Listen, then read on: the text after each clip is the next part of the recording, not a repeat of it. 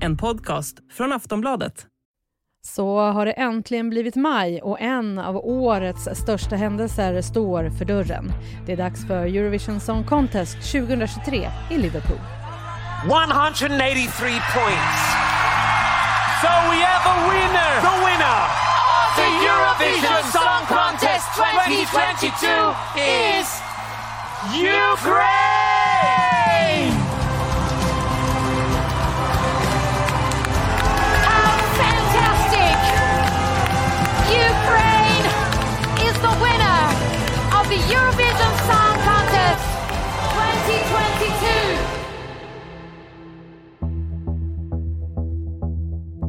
Ja, förra året så vann Ukraina Eurovision, men på grund av kriget så kan inte tävlingen hållas i Kiev. Istället har lotten fallit på Storbritannien och Liverpool.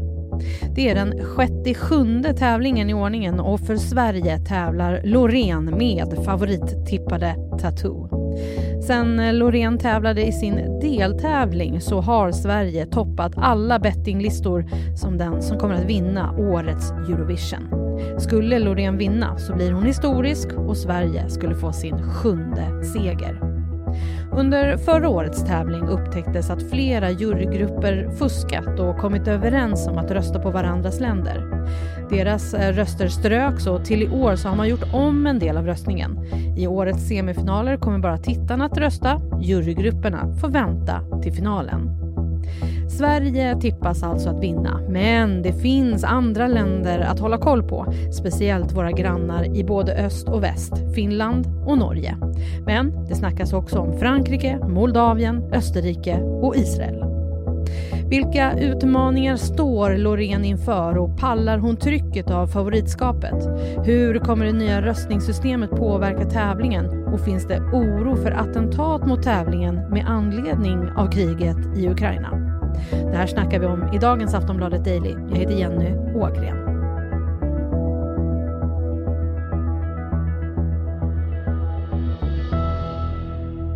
Och jag har med mig vår expert på allt som har med Melodifestivalen och Eurovision att göra, Tobbe Ek. Han finns på plats i Liverpool.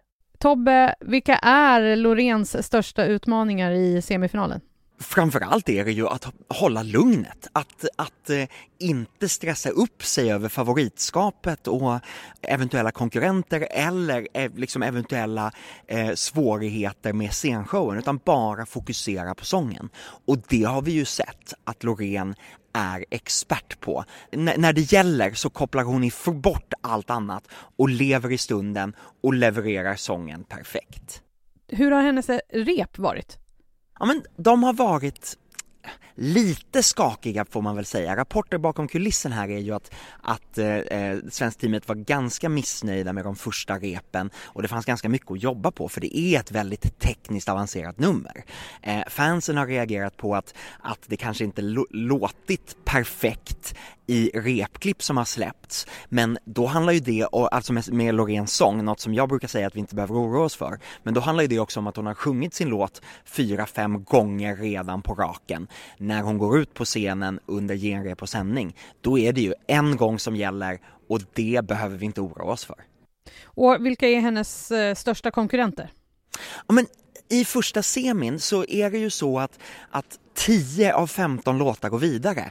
Och jag tror att eh, eh, liksom Loreen skulle kunna sjunga inför en mörklagd arena och inget tekniskt fungerar. Hon skulle ändå slå ut fem av de andra.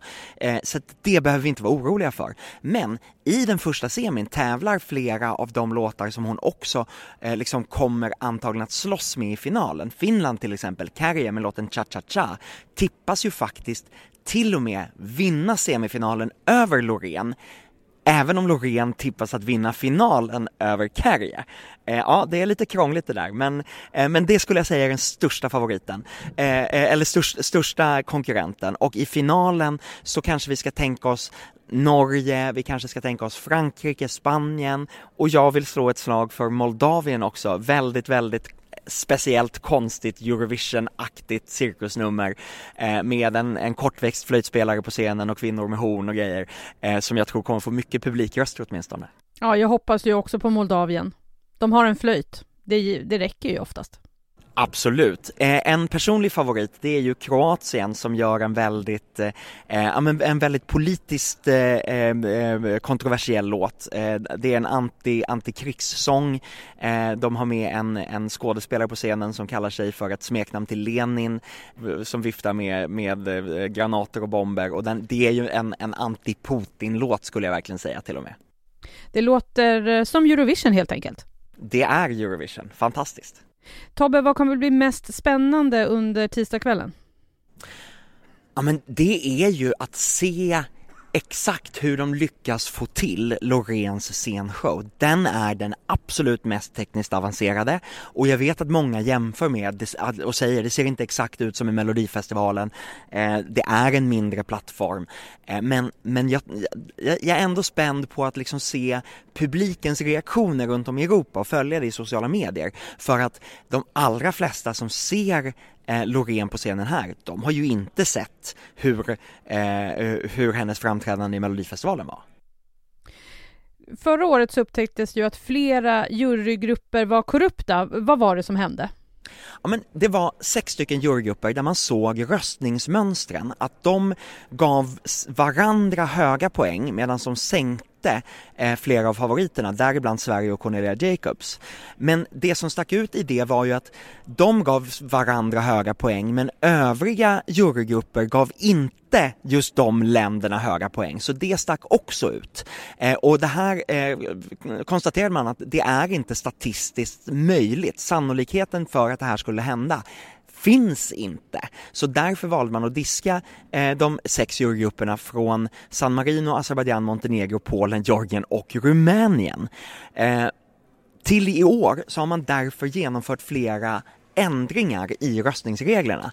Exempelvis, och det här är anledningen till att Finland är större favorit att vinna semifinalen eh, jämfört med Loreen, det är att man har tagit bort jurygrupperna helt från semifinalen. Att det bara är tv-tittarna som får rösta där. Och man tror, eh, bedömare, spelexperter och så vidare, tror att fin, eh, finska Karriär kanske har ett lite mer publikt scenframträdande som telefonröstarna kommer gå igång på och rösta mycket på. Eh, så det är en av ändringarna. Man har också eh, men jurygrupperna kommer att vara med i finalen. Eh, det man också har infört är en möjlighet för alla de tittare som är från länder som inte tävlar i Eurovision att rösta. Men nej, det innebär inte att vi kommer få en jurygrupp från Uganda och, en, och telefonröster från, från Brasilien, utan alla de rösterna kommer slås ihop i en pott och bildas som en 38 pott med poäng. Eh, det blir ju 37 poäng från tittarrösterna i hela Europa i finalen och så blir det här en 38 röstningspoäng. Det låter lite krångligt men det finns på aftonbladet.se att läsa alla detaljer. Loreen är ju favorit att vinna. Det skulle kunna bli Sveriges sjunde seger inte bara Sveriges sjunde seger utan Loreen skulle också bli den första och enda kvinnliga artist som har vunnit Eurovision två gånger. Eh, det har hänt en gång förut, då var det eh, en manlig artist, Johnny Logan. Eh, han vann 1980 och 1987. Så att det var ju i en helt annan tid med betydligt färre tävlande länder och så vidare. Så att det här skulle verkligen göra Loreen unik. Det skulle göra att Sverige kommer upp i topp jämsides med Irland som har sju segrar sedan tidigare. Vi får se hur det går helt enkelt. Men i år, eh, Tobbe, så hålls ju Eurovision i Liverpool eftersom det inte går att hålla tävlingen i Ukraina som vann förra året och det är ju på grund av kriget. Märks det ändå att det var Ukraina som vann förra året i tävlingen? Ja men det skulle jag säga, alltså framför, dels märks det här i Liverpool, eh, för Eurovision-färgerna i år är det väldigt mycket blått och gult? Och man har verkligen omfamnat den ukrainska kulturen och det är utställningar på stan och skyltar på ukrainska och, eh, och engelska som välkomnar folk hit. Det känns att man gör det här liksom på uppdrag av Ukraina. Och i showen så kommer mycket av mellanakterna kommer vara tidigare eh, ukrainska Eurovision-artister. En av de fyra programledarna är ukrainska. Eh, så det kommer, det kommer att kännas att BBC gör det här tillsammans med den ukrainska tv-kanalen. I Storbritannien så har det ju också varit kröning av kung Charles precis och nu är de alltså då värdar för Eurovision. Hur är stämningen tycker du i Liverpool?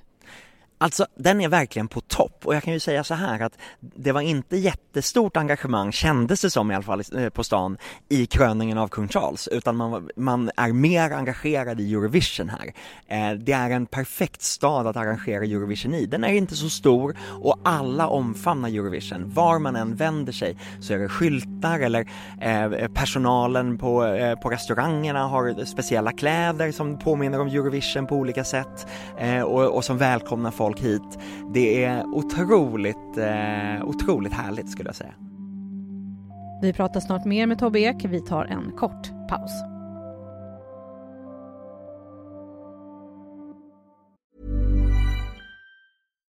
Botox Cosmetic, out toxin A, FDA approved for over 20 years. So, talk to your specialist to see if Botox Cosmetic is right for you.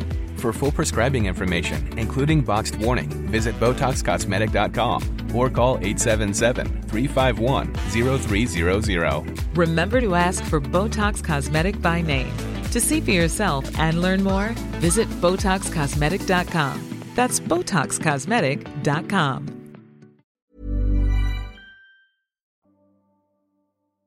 Tobbe, under Melodifestivalen så tog sig klimataktivister hela vägen fram på scenen när Loreen uppträdde.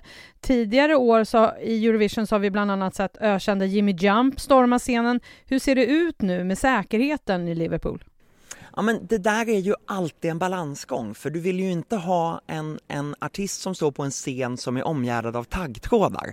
Du vill ju i en tv-sändning och för publiken i arenan ha en, en närhet till artisterna på scenen och det kommer man ha även här. Eh, men det återstår ju givetvis att se hur bra eh, BBC och britterna är på att hålla säkerheten över vilka som kommer in i publiken och vilka som rör sig runt i arenan så att man stoppar eventuella stage invaders. Det har ju hänt ett antal gånger i Eurovision att eh, olika, eh, olika aktivister eller bara komiker har eh, tagit sig upp på scenen. Eh, senast så var det väl i, om, både, om jag inte minns fel, så både i Ukraina och i i, i, i Kiev 2017 och i Lissabon 2018 så blev det någon form av sceninvasioner. Eh, så att vi får se och hoppas att eh, säkerheten här är tillräckligt hög för att stoppa sånt. Men just också för att det är Ukraina som vann förra året, eh, finns det någon oro att det skulle ske något attentat mot tävlingen? Alltså den typen av oro måste ju alltid finnas när det är större evenemang. Och det tar man givetvis höjd för eh, när det gäller Eurovision. Man söker igenom folk som ska in i presscenter och arena, det är flygplatssäkerhet och det har det varit länge. Eh, väldigt länge skulle jag säga. Eh, så, så att, eh, givetvis är det förhöjd säkerhet men jag är inte medveten om att det skulle finnas några uttalade och riktade hot mot, eh, mot Eurovision. Sen är det ju också en semifinal under torsdagen. Eh, ska man titta på den, vad kan man vänta sig av den? Man ska titta på den för att man får Edvard af Siléns fantastiska kommentarer. Eh, och eh, kanske också för att eh, Österrike och Slovenien har ganska mysiga låtar. Men i övrigt så skulle jag säga att väldigt mycket handlar om de låtar som tävlar i den första semifinalen, i Sveriges semifinal och om Big Five-låtarna. Några av dem presenteras eh, under tisdagen och några presenteras på torsdagen. Big Five är ju de fem länder som betalar mest till EBU för Eurovision och som därför är direkt kvalificerade till finalen. Det är ju Spanien, Frankrike, Italien, Tyskland, Storbritannien och sen så har vi en sjätte också, förra årets vinnarlåt, eh, eller vinnarland Ukraina är ju också direkt kvalificerade till finalen. Och vad tror du att det är för final då som vi har att förvänta oss sen på lördag?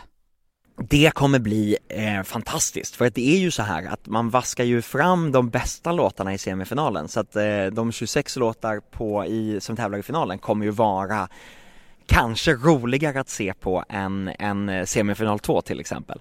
Eh, och det kommer, alltså britterna BBC kommer leverera en otrolig show. Allt annat vore, eh, eh, eh nej men all, allt annat vore otänkbart. BBC är ju en av de tv-kanaler i, i Europa som är allra bäst på livesänd underhållning. Så att vi kan sätta skyhöga förväntningar och min känsla är att de gör allt för att slå Eurovision 2016 i, eh, i Stockholm, som ju fortfarande talas om som den bästa moderna Eurovision.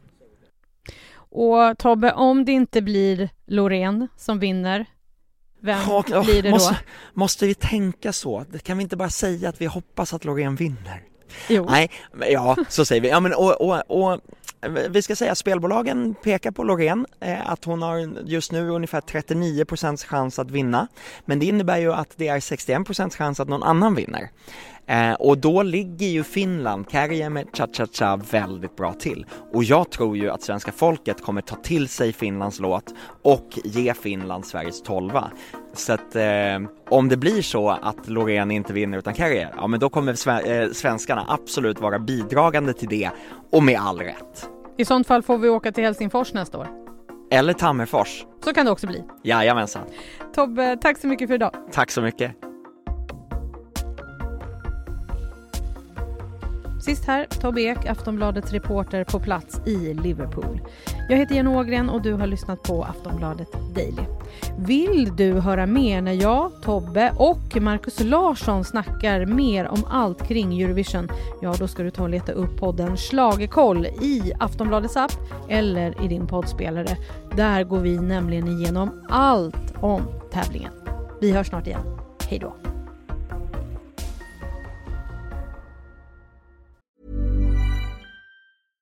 Finding your perfect home was hard, but thanks to Burrow, furnishing it has never been easier. Burrow's easy to assemble modular sofas and sectionals are made from premium, durable materials, including stain and scratch resistant fabrics. So they're not just comfortable and stylish, they're built to last. Plus, every single Burrow order ships free right to your door. Right now, get 15% off your first order at burrow.com slash ACAST. That's 15% off at burrow.com slash ACAST. Du har lyssnat på en podcast från Aftonbladet. Ansvarig utgivare är Lena K Samuelsson.